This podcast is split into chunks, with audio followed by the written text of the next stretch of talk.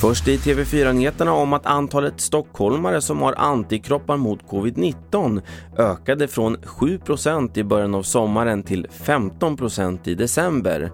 Det visar en ny studie från Karolinska institutet, rapporterar Ekot. Siffran kan ha stigit ytterligare sedan dess enligt en av forskarna. Samtidigt är nivåerna fortfarande långt ifrån de som behövs för flockimmunitet.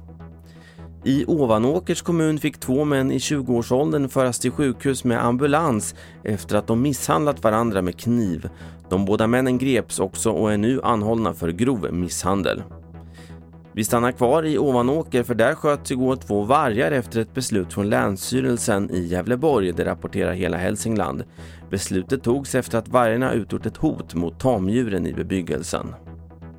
Och vi avslutar med att det blev Tosin Tusechisa med låten Voices och slagerveteranen Charlotte Perrellis Still Young som gick direkt till final i Melodifestivalens tredje deltävling som avgjordes igår kväll. Till andra chansen gick Alvaro Estrella och Klara Hammarström. Det var senaste uppdateringen från TV4 Nyheterna. Jag heter Carl-Oskar Alsen.